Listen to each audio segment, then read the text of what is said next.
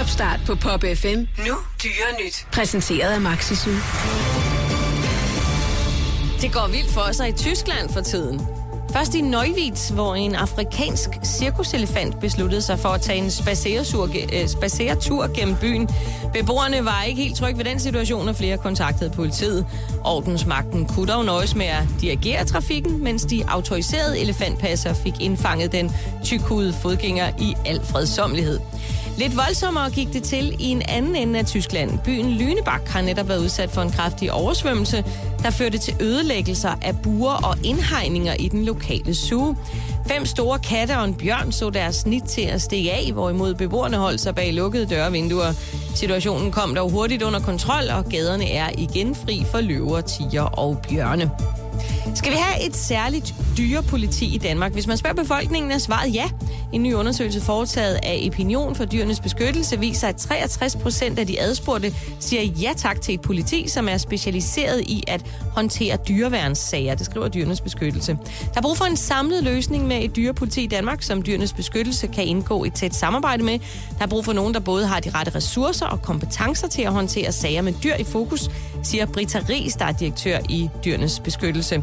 Det er i dag allerede muligt at give fængselsstraffe og frakende folk retten til at have dyr, men dyrevandsloven bliver ikke brugt godt nok, mener hun. Det er vores erfaring, at der i dag skal alt for meget til, før der rejser sigtelser for groft uforsvarlig behandling af dyr.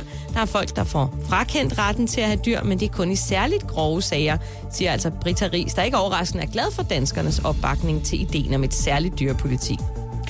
Kan du huske historien om mågen, der stjal, stjal chips fra en købmandsbutik? ja. Nu er den gal igen. Den her gang har en skrupelløs havmåge gjort tilværelsen usikker for en mand og hans to katte i Blackpool, England, fortæller The Mirror.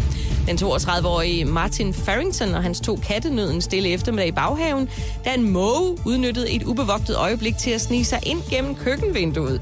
Her fyldte den glupske røver vommen med kattemad og andre godbidder, der egentlig var tiltænkt Martins to katte.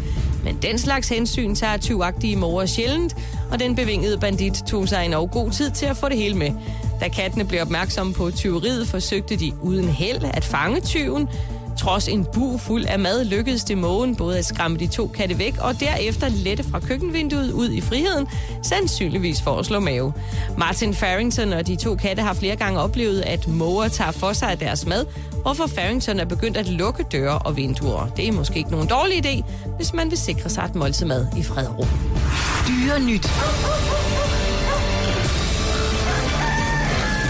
Præsenteret af Maxi Zoo. Kærlighed til kæledyr. Det her er Topstart på Pop FM.